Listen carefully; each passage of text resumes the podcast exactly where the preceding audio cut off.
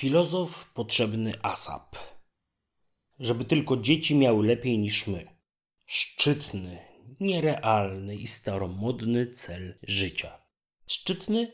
Wiadomo, nierealny, bo już nie tylko przeczuwamy podskórnie, ale i wiemy, że aby dać, trzeba najpierw mieć. Aby wspierać i towarzyszyć dzieciom w konstruktywny sposób, samemu trzeba być jakkolwiek spełnionym i zadbanym. Staromodny, ponieważ lepiej się przeterminowało i w zasadzie nie wiemy, co to znaczy.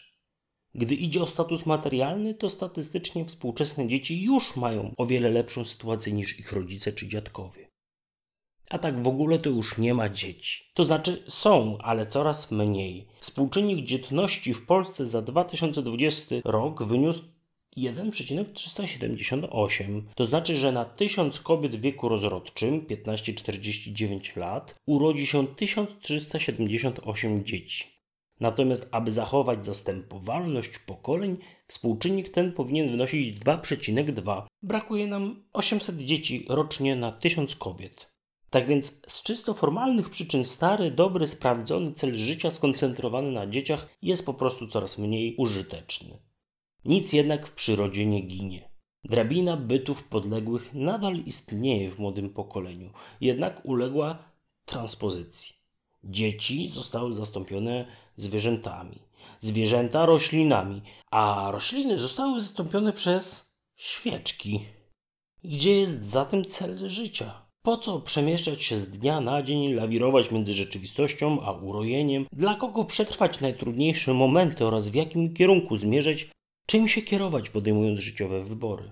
Ktoś wierzący może powie: Bóg jest najwyższym dobrem, a etyka religijna dostarcza wartości i cel życia.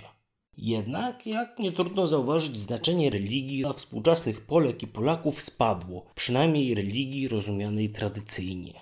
Zmiana modelu życia oraz porzucenie religijnych podstaw światopoglądu wymusiło na młodym pokoleniu nie byle jakie pytanie, mianowicie pytanie filozoficzne. Z ręką w nocniku. As soon as possible, w skrócie ASAP, a więc tak szybko jak to możliwe. Na już, na cito, na wczoraj.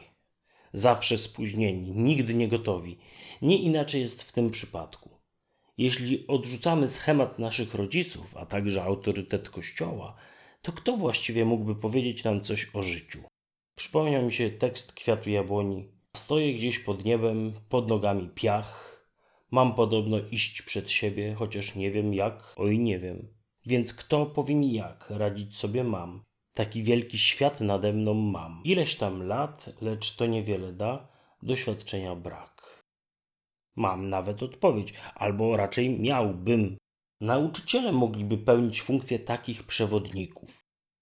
Mogliby, a nie mogą, ponieważ nie dość, że sami musieliby się odnaleźć w otaczającej ich rzeczywistości, to musieliby nauczyć się myśleć i komunikować językiem młodzieży. Ponadto nadal to dopiero połowa sukcesu. Koniecznie potrzebna jest zmiana społecznego odbioru nauczycieli, ich wizerunku, a także własnego poczucia sprawczości i kompetencji społecznych. Dobrze byłoby, gdyby rząd podniósł pensję nauczyciela kontraktowego, e, drugi stopień awansu zawodowego, przynajmniej do średniej krajowej, czyli do 5662,53 zł brutto za rok 2021.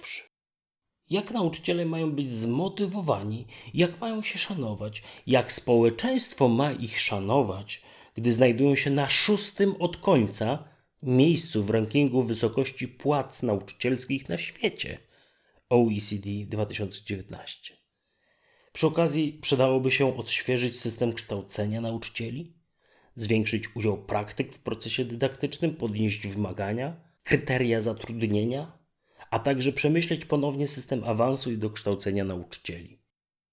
Jednak nic z tych rzeczy nie wydarzy się w najbliższej dekadzie, czy nawet za naszego życia – Oznacza to, że bardzo dobry kandydat dla przewodnika ludu, nauczyciel, odpada w przedbiegach. Więc kto powie im, jak radzić sobie mają? Feniks, Morfeusz i Chrystus w jednej postaci.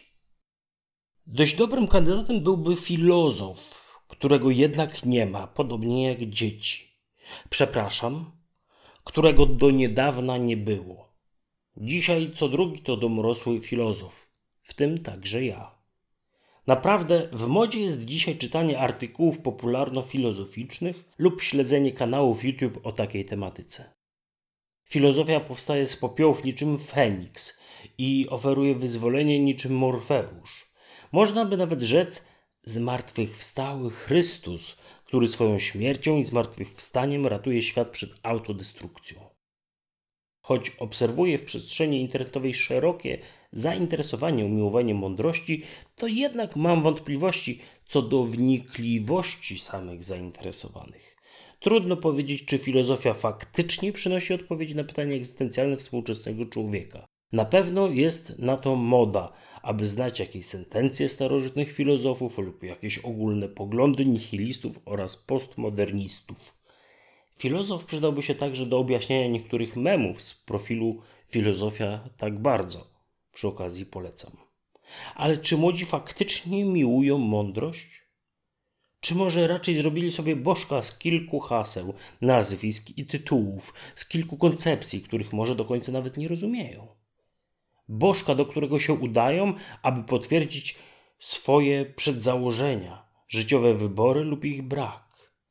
Skoro nie rodzice, nie kościół i nie nauczyciele, to może filozof, którego nie ma, który się spóźnia, choć jest potrzebny asap.